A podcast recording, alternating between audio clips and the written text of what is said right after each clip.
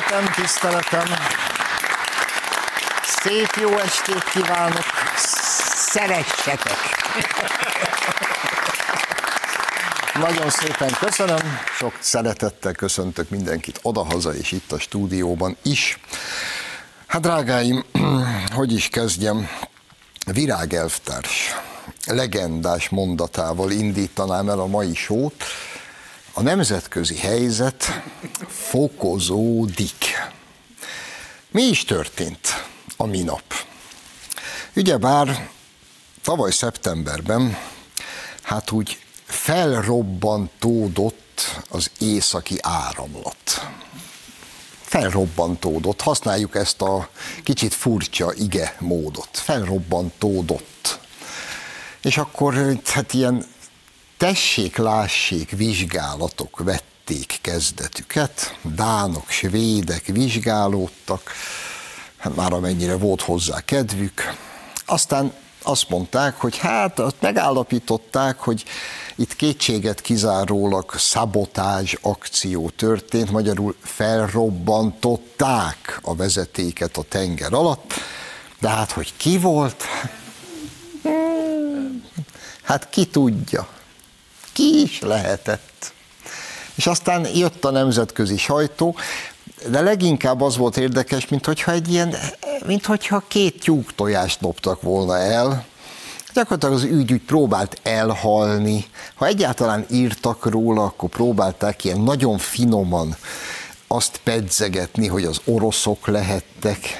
Ha volt ebben a történetben valaki, akinek ez egyáltalán nem volt érdeke, na az Oroszország. A másik, akinek ez nem volt érdeke, az Németország. A harmadik, akinek nem volt érdeke, úgy unblock Európa. Akinek érdeke volt, az Ukrajna. Akinek meg egyenesen isteni volt, az az amerikai Egyesült Államok. Ha itt józan paraszti észsel az ember kicsit elkezd gondolkodni, akkor rögtön fölteszi azt a kérdést, hogy az, akinek érdekében állt, azok közül ki volt rá képes? Hát Ukrajna, hát mondjuk úgy, hogy nem. Egyesült Államok, igen. És akkor így a, a, a gondolkodni képes normális emberek ezt úgy elkönyvelték, és ennyiben maradtunk. Igen ám, de mi történt a héten? Jött egy Seymour Hersh nevezetű amerikai tényfeltáró, oknyomozó újságíró, többszörösen kitüntetett, Pulitzer díjas, most szeretném közölni, hogy Pulitzer díjat, akárki nem kap. Én például sose kapnék.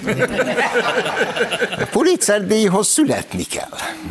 Jött Hers, és írt egy irgalmatlan hosszú, okadatolt, mondjuk úgy tényfeltáró cikket Amerikában, ami arról szól, hogy hát az északi áramlatot speciál az amerikai Egyesült Államok robbantotta fel.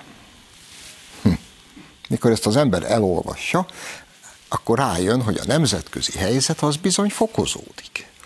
Mert ugye ezt eddig is tudtuk, de nem volt leírva. Most, hogy le van írva, most e, más a szituáció. És mi is történt ezután? Megjelenik a cikk. Másnap egy republikánus szenátor, egész pontosan Utah állam szenátora kiáll a nyilvánosság elé, és a következő érdekes mondatokat mondja el, Hát, hogy úgy utána jártak ennek a dolognak, most, hogy már ez a cikk megjelent, és hát kicsit félve és idegesen azt kell mondja, hogy sajnos nem tudják kizárni, hogy ez té- tényleg így volt. Majd hozzáteszi azt a mondatot, itt kezd a dolog igazán hátborzongatóvá válni, azt mondja a szenátor úr, ha ez igaz, akkor ez háború. Hmm. Majd jön a Fehérház, és elkezd természetesen mindent tagadni. Ők ott sem voltak. Ők nem is értik ezt az egészet. Idehaza 444.hu hosszú cikket ír arról, hogy a cikk írója, ez a bizonyos Seymour Hersh, a Pulitzer díjas, az ünnepelt, a csodálatos, Ez egy hülye. Ez egy szenélis vénember, aki azt se tudja, mit beszél.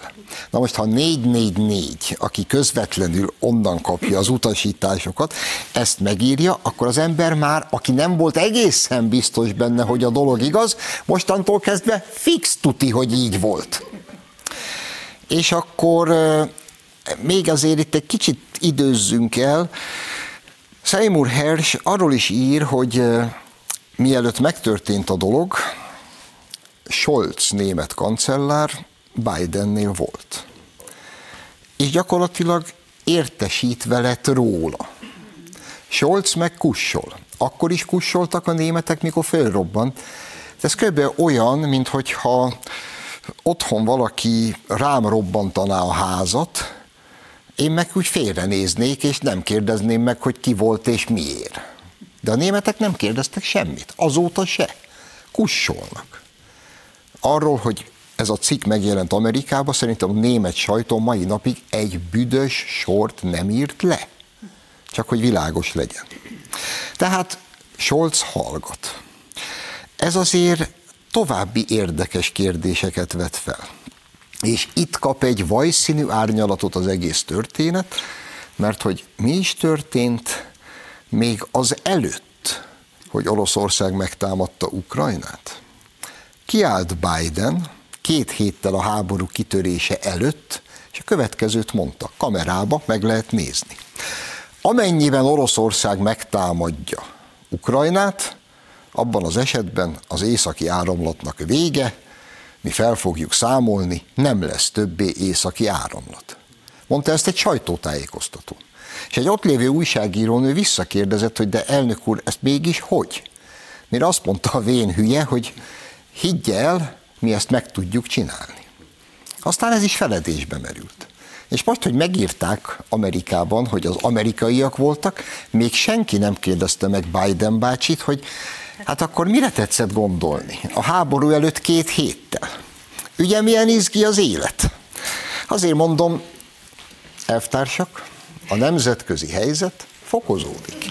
Most lesz érdemes igazán odafigyelni, hogy mi is történik velünk. De miközben ilyen kis apró, elhanyagolható dolgok történnek a világban, hogy megírják azt, amit eddig is tudtunk, ja, azt még hagyd tegyem hozzá, Krem reagált. Azt mondták, hogy hát egyrészt nemzetközi vizsgálóbizottság felállítását követelik azonnal, másodszor, ha ennek nem lesz következménye, és nem követi ezt a terrorcselekményt, mert az, ha ezt nem követi büntetés, annak beláthatatlan következményei lesznek, mert hogy akkor ezentúl a világban bárhol bárki ezt majd megmeri csinálni. Bárkivel, bármikor. És hagyd tegyem hozzá, a Kremnek ebben speciál tökéletesen igaza van. És egyébként pedig azt is mondjuk ki, ha az amerikai Egyesült Államok robbantotta fel az északi áramlat gázvezetéket, akkor az amerikai Egyesült Államok egy latorállam. Pont. Lehet ezt szépítgetni, lehet a szart kenegetni, fandlival, spaklival. Ettől még a tény tény marad. Aki ilyet csinál, az lator állam. Pont. És miközben ezek zajlanak a világban, eközben a nyugat természetesen mással van elfoglalva nagyon fontos dolgokkal van elfoglalva. Egy kis színes csokrot összekötöttem ebből, és most átnyújtom önöknek. Első hírünk, száz év elteltével, pontosítsunk, 101 év elteltével, ismét betiltják Írországban James Joyce monumentális regényét, az Ulysses-t. Itt egy kicsi személyes kis emléket hagyosszak meg önökkel. Én ugye magyar történelem szakra jártam, és egy szemináriumra bejött a világirodalom tanárunk. Ott ültünk, és föltette a következő kérdést. Kedves kollégák, ki olvasta az Ulysses-t? Hát ahányan voltunk, lapítottunk ott, mint szar a fűbe. Egy csoportárs nő föltette a kezét, mire tanár úr azt mondta, hogy hm, sejtettem. Egyébként vegyék tudomásul, normális ember ezt a regényt nem tudja elolvasni. Ez volt a tanár úr hozzáállása az Ulysseshez. Én háromszor futottam neki a műnek, nem lehet elolvasni. Én aztán imádok olvasni, szerintem az Ulysses nem lehet elolvasni, de ettől még valahogy úgy alakult az élet, hogy az Ulysses az ilyen, ilyen ikon lett. És 1922-ben már egyszer jött a cenzúra, és közölték, hogy ezt be kell tiltani, mert, mert fúj, mert rettenetes. 101 év eltelik, és ugyanoda visszaértünk. És az az elsődleges indoklás a mű betiltásának, hogy szörnyű, naturális, szexuális utalások és részek vannak a műben. Tényleg. És akik be akarják tiltani az Uliszteszt azért, mert rettenetes szexuális utalások vannak benne, szeretnék szólni, ezek ugyanazok, akik egyébként azt követelik, hogy drag queennek öltözött már az óvodába bemehessenek, és ott előadást tarthassanak. Én meg nem mondom pontosan miről, de négy-öt éves gyerekeknek, hogy már négy-öt éves korban a gyerekek szembesüljenek nem hogy a szexualitással, hanem annak mindjárt egyenesen a melegebbik változatával. Mert az nem baj, a három-négy éves gyerekünk szexualizálása az nem probléma. Joyce ulysses a probléma. Imádom őket. De hát nehogy azt higgyük, hogy megálltunk félúton. Írországban Ulysses.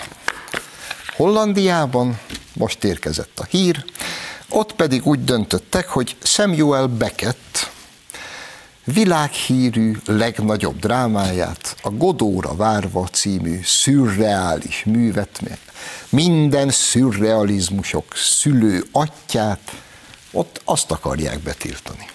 Az ok, ebben a darabban van két főszereplő, két csavargó ügye, akik beszélgetnek, várják Godót, aki sose jön meg, mert ráadásul valószínűleg nincs is, és még három ember a darab folyamán úgy oda-oda csapódik, és bekapcsolódik a teljesen szürreális beszélgetés folyamba, viszont mindenki férfi.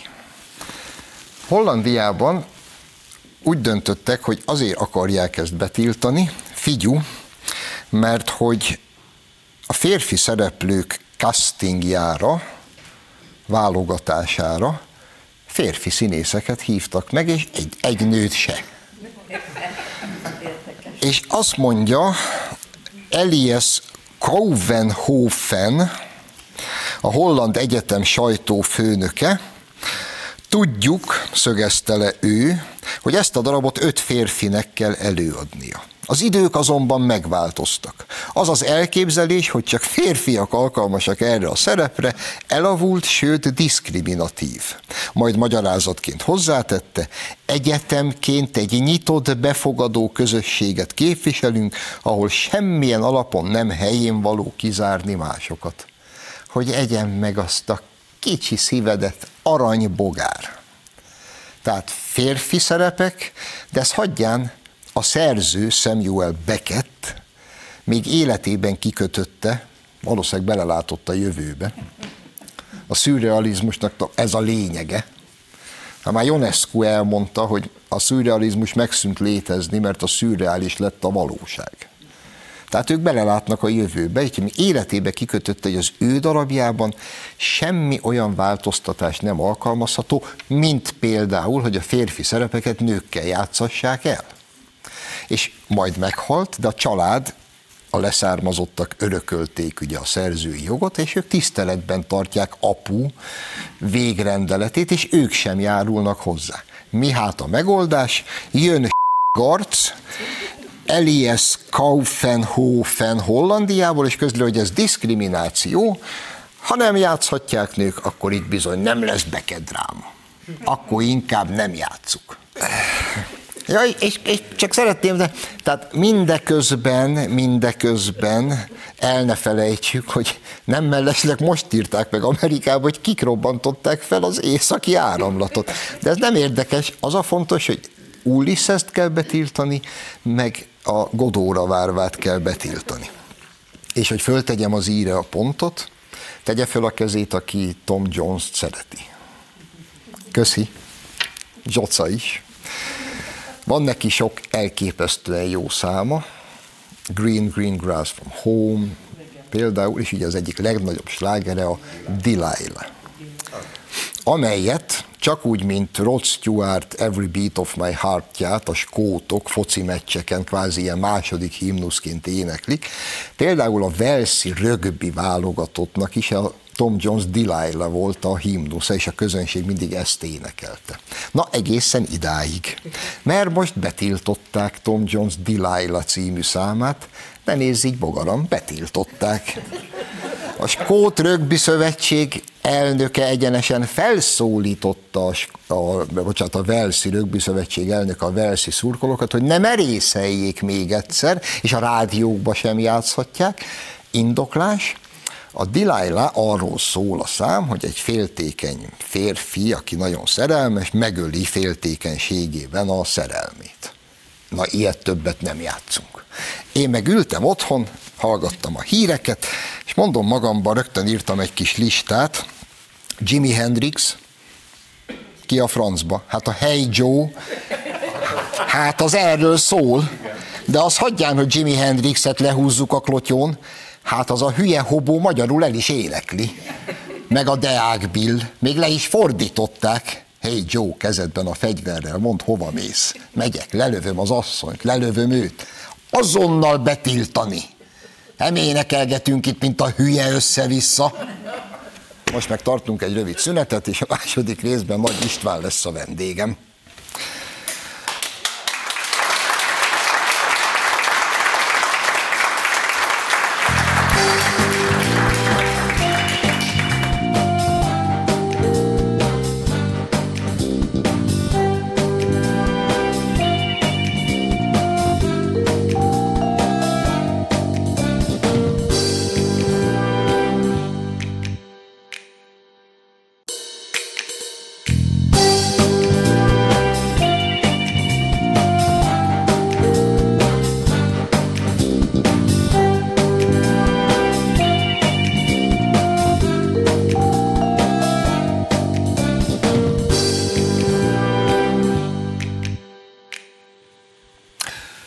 Folytatjuk az adást, vendégem tehát a stúdióban Nagy István agrárminiszter. Szervusz Pista. Köszönöm szépen.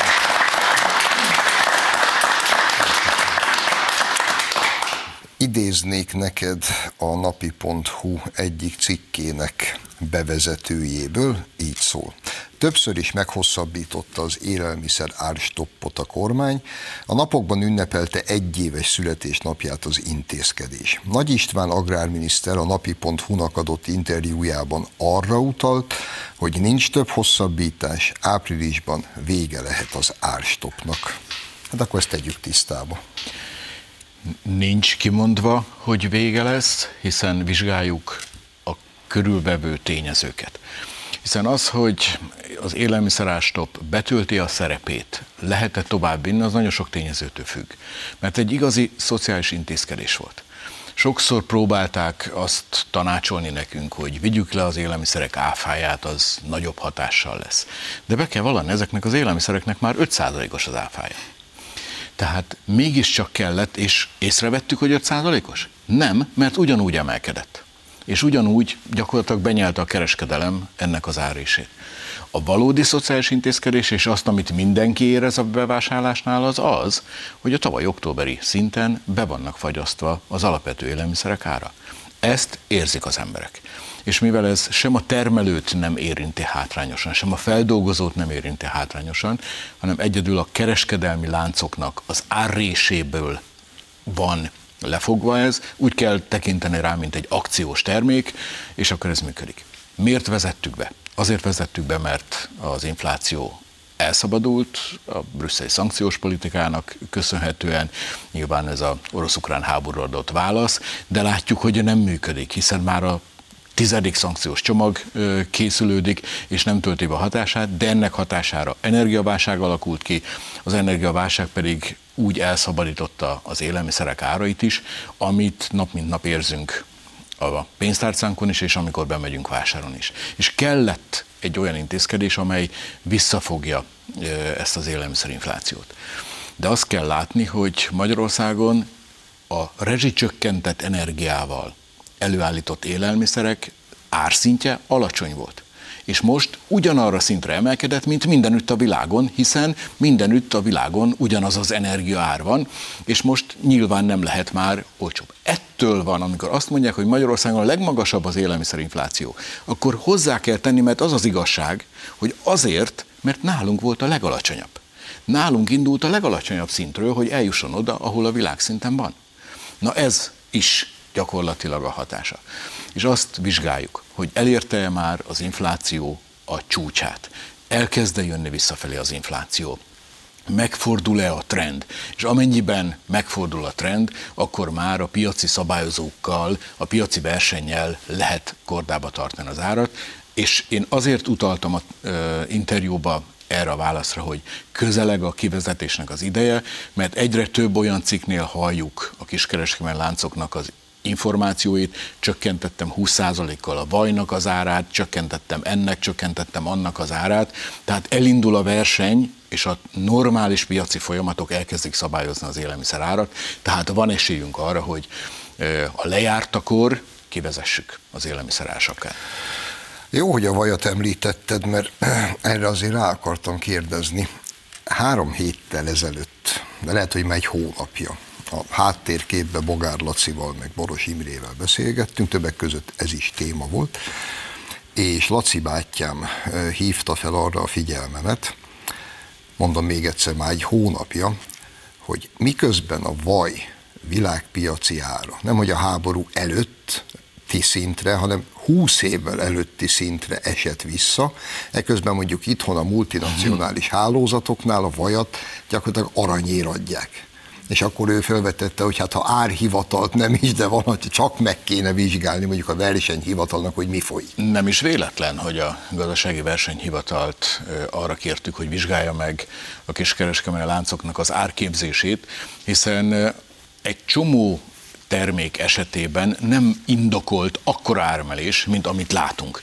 És azt kell megvizsgálni, hogy volt egy tudatos összehangolás, tudatos olyan intézkedés, amely gyakorlatilag mesterségesen is hajtja fölfelé az élelmiszerinflációt, kell, hogy kivizsgálja a gazdasági versenyhivatal, és hogyha ilyet tapasztal, már pedig ugye a szubjektív érzetünk ez, amikor bemegyünk vásárolni, ha ilyet tapasztal, akkor pedig jól oda kell vágni ezen üzletláncoknak, hogy egy életre elvegyék a kedvüket attól, hogy ilyet tegyenek, hiszen mindenki a megélhetéssel küzd, mindenki megnézi, hogy a forintjait hová költi, és nem lehet az, hogy valakik még egy válságba is nyerészkedni akarnak, és egyszerűen nem akarnak részt vállalni társadalmi szolidaritásként abban, hogy segítsenek az embereknek az alapvető élelmiszerekhez hozzájutni. Utolsó kérdés erre vonatkozóan, hogy most a vaj az egy valamilyen oknál fogva egy ilyen kuriózum, vagy van tudomásotok arról, hogy vannak más típusú élelmiszerek, amelyek kapcsán ugyanez a helyzet? Hát, hogyha megnézzük a drágulásoknak a mértékét, akkor bizony azt látjuk, hogy sok olyan termék van, aminél ez a gyanú fölmerül. De ezért van a hivatal, hogy ne csak a szubjektív érzetünk hagyatkozzunk, hanem ezt objektívan vizsgálják meg, nézzék meg, hogy történtek-e itt visszaélések, és hogyha igen, akkor pedig intézkedni kell. Tehát nem lehet azt hagyni, hogy egy tisztán szociális intézkedés, egy tisztán olyan intézkedés, amit a legrászorultabb emberek a leginkább megéreznek, hiszen azért nem mindegy, hogy a fizetésből az élelmiszer kosárba a fizetésünk hány százaléka kerül is. Ezen embereknek, akik kevés fizetésből vagy kis nyugdíjból élnek, azoknál rendkívüli módon sokat jelent. 30%-os megtakarítást jelent az ő fizetésükből az élelmiszer a bevezetése. Tehát valódi szociális intézkedés.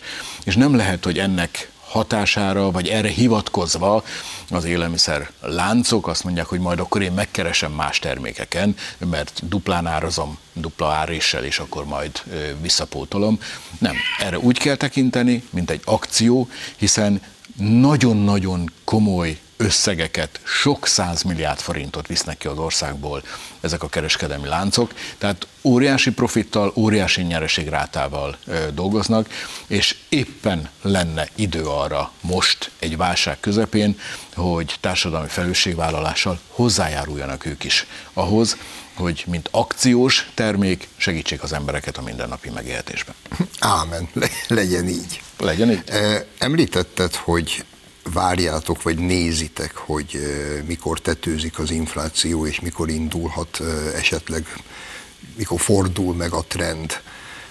Most mit gondol a kormány, hogy már elértük a csúcsot, vagy még egy picit emelkedni fog, és mikor várható az, hogy akár a háború, akár a szankciók ellenére nyilván a piac valamilyen fajta szabályozó szerepe okán elindul az infláció majd lefele. Ugye, ha most nem változik semmi, tehát a háború nem eszkalálódik, nem terjed ki jobban, akkor azt látjuk, hogy a február hónap az, amikor elérünk a csúcsra és itt február végétől, márciustól már jönni kell visszafelé, hiszen évvégére az egy nagyon komoly felelősségvállalása mind a Nemzeti Banknak, mind a kormánynak, hogy egy számjelű legyen az infláció, hiszen ez a legnagyobb ellenség most, ezt kell legyőzni ahhoz, hogy a gazdaság normalitása megindulhasson, hogy a hitelezések beindulhassanak, hogy a megélhetésünk biztonsága meg legyen, tehát ez egy nagyon komoly küzdelem, úgyhogy minden pénzügyi eszközzel, minden gazdasági eszközzel azon dolgozunk, hogy itt február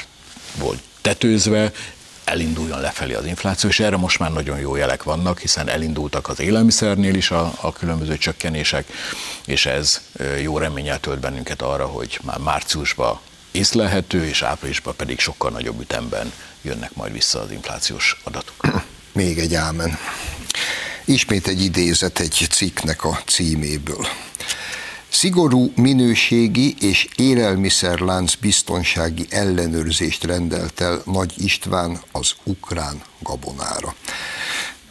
Annál is inkább megütötte a figyelmemet ez az írás, mert nagyjából egy hete vizsgáztam a vadgazdamérnök szakon, élelmisz, egyebek mellett élelmiszerlánc biztonságból, úgyhogy most nagyon fiszkósnak érzem magam, mint, mint aki mindent tud a témában. Mi a helyzet az ukrán gabonával? Mert hogy ugye laikusként is azt gondolná az ember, egy éve Ukrajnában háború zajlik, gondolná az egyszeri ember, hogy hát egy háborús ország nyilván nem exportál gabonát, de hogyha neked szigorú élelmiszerlánc biztonsági ellenőrzést kellett elrendelned, akkor valahogy ez az ukrán gabona mégiscsak itt van. Persze, hát gondoljuk bele, ö, Ukrajna a világ egyik legnagyobb gabona exportőre. Ukrajna és Oroszország összesen a világ gabona exportjának 30-40 át teszik ki ketten együtt. Tehát nagyon hiányzik a világból az a gabona mennyiség, ami ott megterem. Ennek volt egy hagyományos útja, hogy a Fekete-tengeren, ugye a vízi útvonalon ez kiszállítódott. Csak hogy most alá van aknázva, kikötő blokád alatt van, nem tud kijutni az ukrán gabona. És ott a raktárakban tavaly 22 millió tonna volt még beragadva. És ugye jött az idei termés, és majd ö, ugye jönnének a következők. Ezért a szomszédos országok szolidaritási folyosót nyitottak, azaz szárazföldön próbáljuk kiszabadítani az ukrán gabonát, hogy eljusson Észak-Afrikába, vagy belső Afrikába, hiszen ott pedig az emberek éheznek, várják azt, hogy megfelelő élelmezés biztonságuk legyen. És nyilván ennek, ha nem jut oda az élelmiszer, a gabona, akkor ennek migrációs következménye is vannak, tehát rendkívüli nagy a felelősség. És volt egy jó szándékú intézkedés, eltörölt az Európai Unió minden vámot, és minden növényegészségügyi ellenőrzést a szolidaritási folyosóval, hogy szabadítsuk ki minél gyorsabban. Ne kelljen a kamionoknak, a vagonoknak egy hetet, két hetet ott állni sorba, hanem a lehető leggyorsabban jöjjön. Ez a jó szándék vezérelt minket. Ezért álltunk bele mi is ebbe. Csak hogy azt láttuk, hogy nem folyosóként működik a szolidaritási folyosó, hanem egyszerűen egy lerakatként. Tehát ami Ukrajnából kijön, az megáll Magyarországon, Romániában, Bulgáriában, Bulgáriában, a cseheknél, szlovákoknál és a lengyeleknél. Azaz teljesen lebénította a hazai piacot, hiszen egy háborús körülmények közül menekítő gabona nyilván, hogy olcsóbb.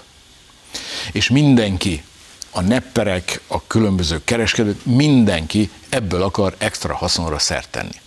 És ezért a szomszédos országok gabona kereskedelme gyakorlatilag befagyott teljesen, mert az összes üres raktárat igyekeznek ezek a nepperek kibérelni, és mindenki a nagy haszon reményében igyekszik ügyeskedni az ukrán gabonával. És ezért kellett összeülnünk a hat érintett miniszternek, és Brüsszelhez fordultunk, a bizottsághoz, hogy intézkedéseket kérünk, mert belső piaci rendellenességek vannak. Persze, ahogy ez szokott lenni, Brüsszelben süketfülekre találtunk, tehát nincs még intézkedés. Ők úgy érzik, hogy a szolidaritást még inkább vállalni kell, hiszen nálunk nincs háború, tehát akkor örüljünk, hogy csak ilyen nehézségeink vannak, de nyilván mi felelősséggel tartozunk a saját gazdáinknak, ezért nemzeti hatáskörbe kell intézkedéseket hozni. És a következő intézkedést hoztam, mégpedig azt, hogy ami valóban tranzitként szolidaritási folyosóban elhagyja az országot, az változatlan formában most is megtehetik. Azt külön soron, azt engedni kell.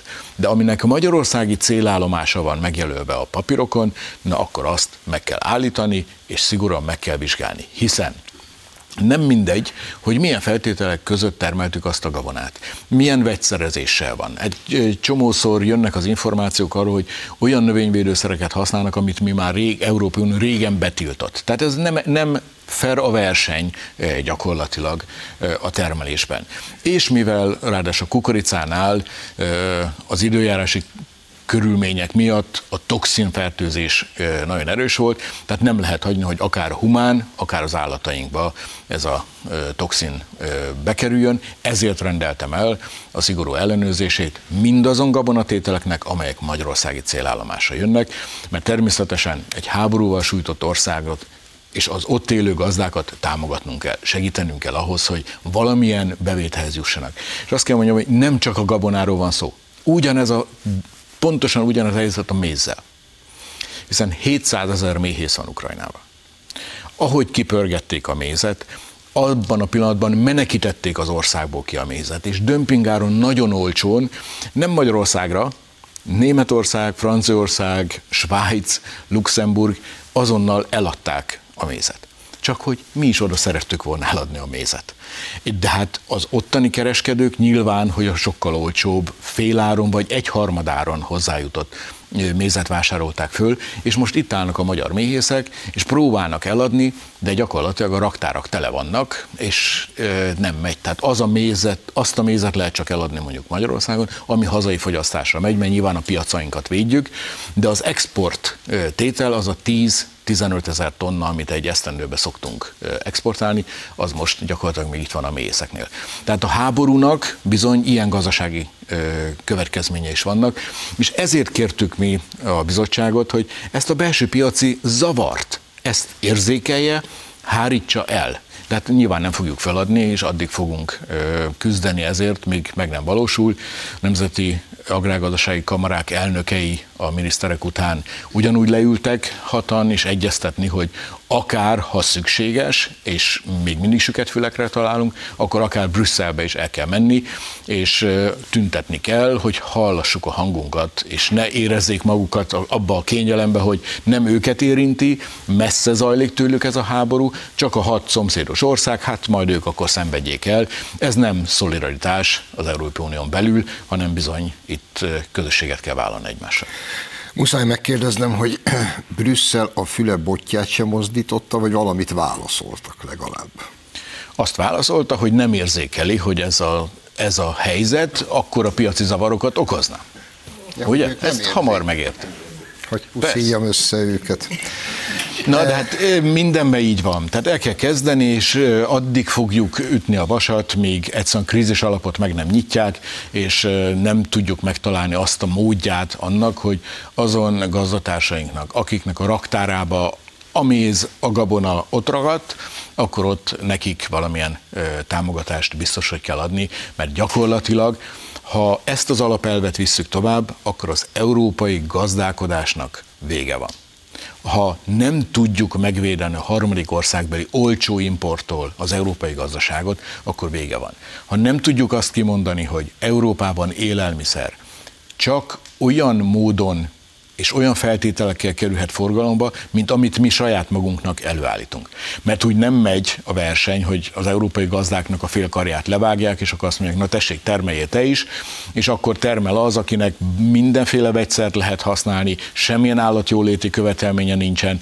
Tehát úgy jön be a csirkemel például olyan volumenben és olyan árszinten, ami elképesztő piaci felfordulást okoz, tehát erre nagyon oda kell figyelni, és erről egészen komolyan kell beszélnünk Brüsszelben, a bizottságban, mert nem lehet, hogy ők kellő távolságtartással úgy érezzék, hogy ez a probléma nem súlyos. Hát igen, és mondjuk valószínűleg a csirkemerre is érdemes lenne vetni egy pillantást minőség ellenőrzés oh, szempontjából, mert élek a gyanúperdel, hogy mondjuk az Unióban és Magyarországon. Ott az antibiotikum, antibiotikum használat. Az oh, be van tiltva, ami meg ide jön, az meg valószínűleg tele van antibiotikummal, hogy csak ezt az apróságot vessen föl.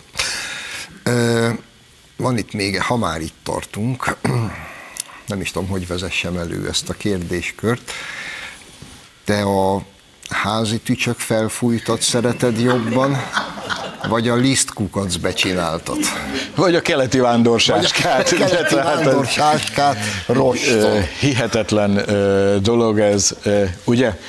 Mikor egészen komoly problémáink vannak, akkor az lesöprődik az asztalról, és van valami teljes teljes irreleváns kérdés, és azt megharcolják, és azt mindenki akarata ellenére akkor is bevezetik. Tehát teljes nonsens. Mi indokolja, hogy nekünk ilyen egzotikus fehérjéket kellene fogyasztani, hogy kukacot együnk, vagy rovarokat együnk, az ebből készült lisztekkel egészítsük az élelmiszerünket. A világon semmi. Európában van elegendő élelmiszer. Európában soha nem volt fehérje hiány soha nem volt az emberekbe táplálkozási probléma. Mindig bőséges ellátás volt. Mi indokolja azt, hogy egy teljesen idegen kultúrából, idegen termelésből eredő dolgot akarnak ránk erőltetni? Én megmondom neked István, néhány brüsszeli, meg nyugati, zöld, meg vok idióta rögeszméje. Ez indokolja. Én tovább mennék ennél.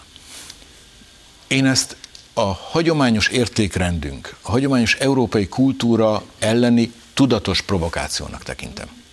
Mert mi következik abból, hogyha felszámoljuk a hagyományos állattenyésztést? Mi, történ, mi következik abból, ha felszámoljuk a hagyományos mezőgazdaságot? Megszűnik a vidéki életforma. Megszűnik az az alap, amire a kultúránk alapul, a hagyományunk alapul, a megmaradásunk alapul puhítsuk föl. Ugye legyen egy nagy olvasztó tégely, nem kell ide hadom, hagyomány, nem kell ide semmi se, hanem együk azt, amit fogalmunk nincs, hogy micsoda, legyen átszázva.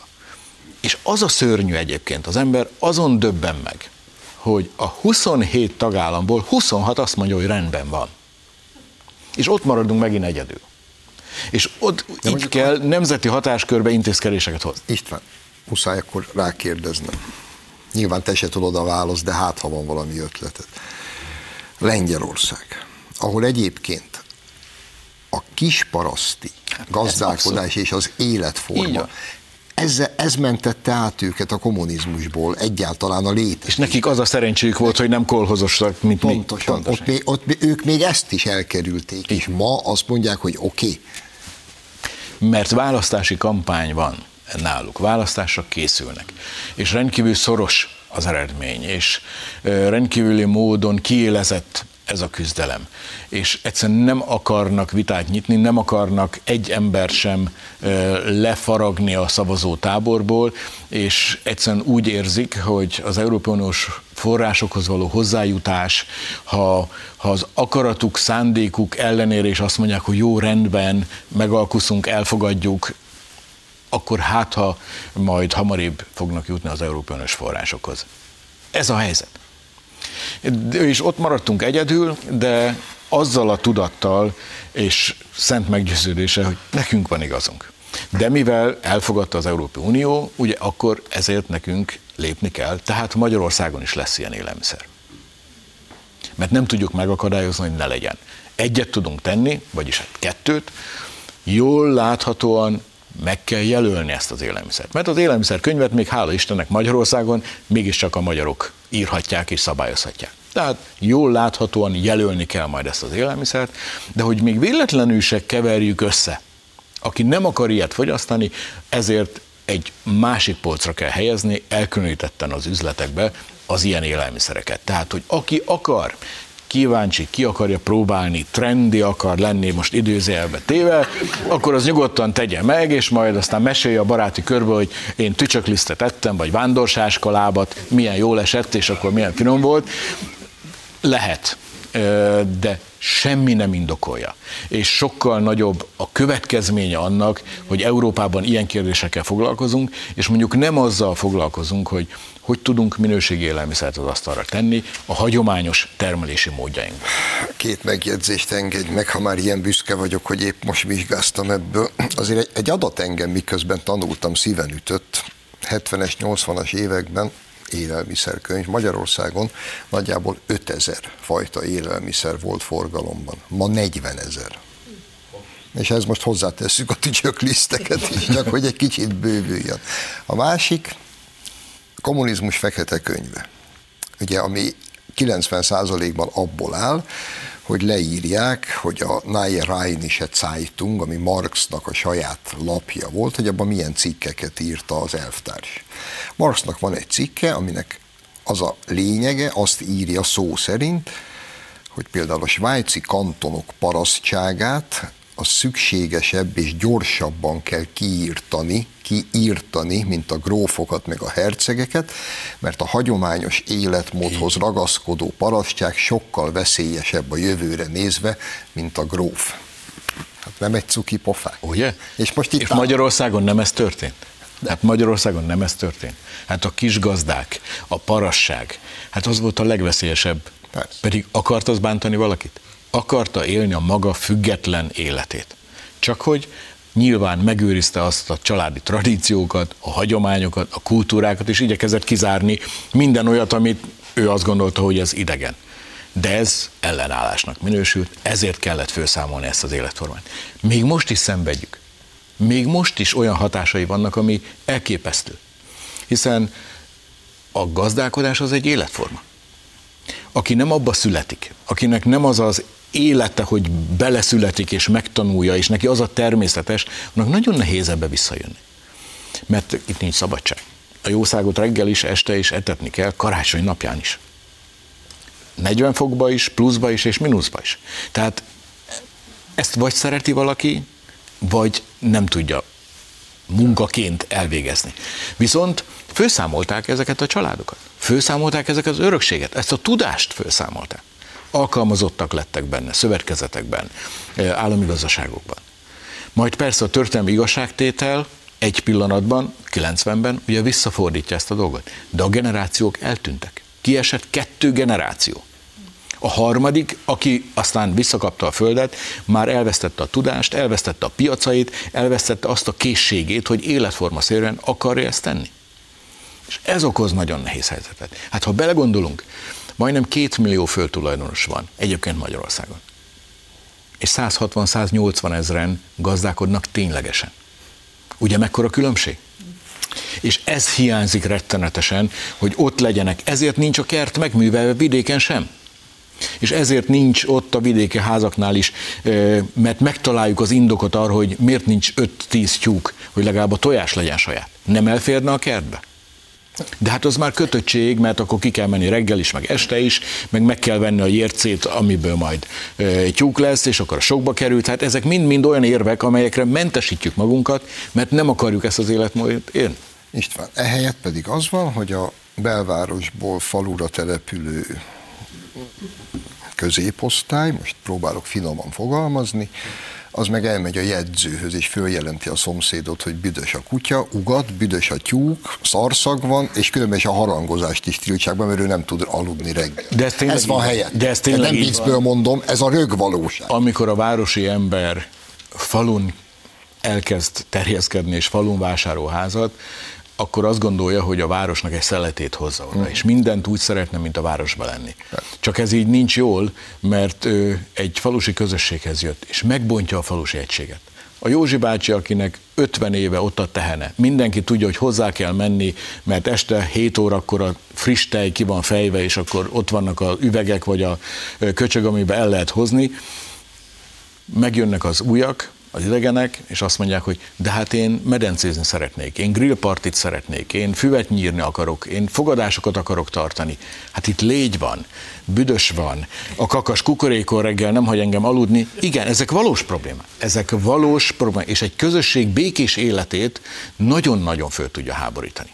És ezen nem véletlen, hogy a franciák mellett nekünk is azon kellett gondolkodni, hogy a vidéki élet ízeit, illatait, hangjait megőrző törvényt kell alkotni majd, mert ezt a viszályt rendezni kell, hogy aki érkezik egy közösségbe, annak el kell fogadnia azt, hogy a közösség hagyományai, az ottani élet, az védve van. Azt nem lehet egyedileg kényű kedvű szerint megváltozni. Vagy megkérjük Józsi bácsit, hogy menjen be a Váci utcába egy tehénnel és két disznóval.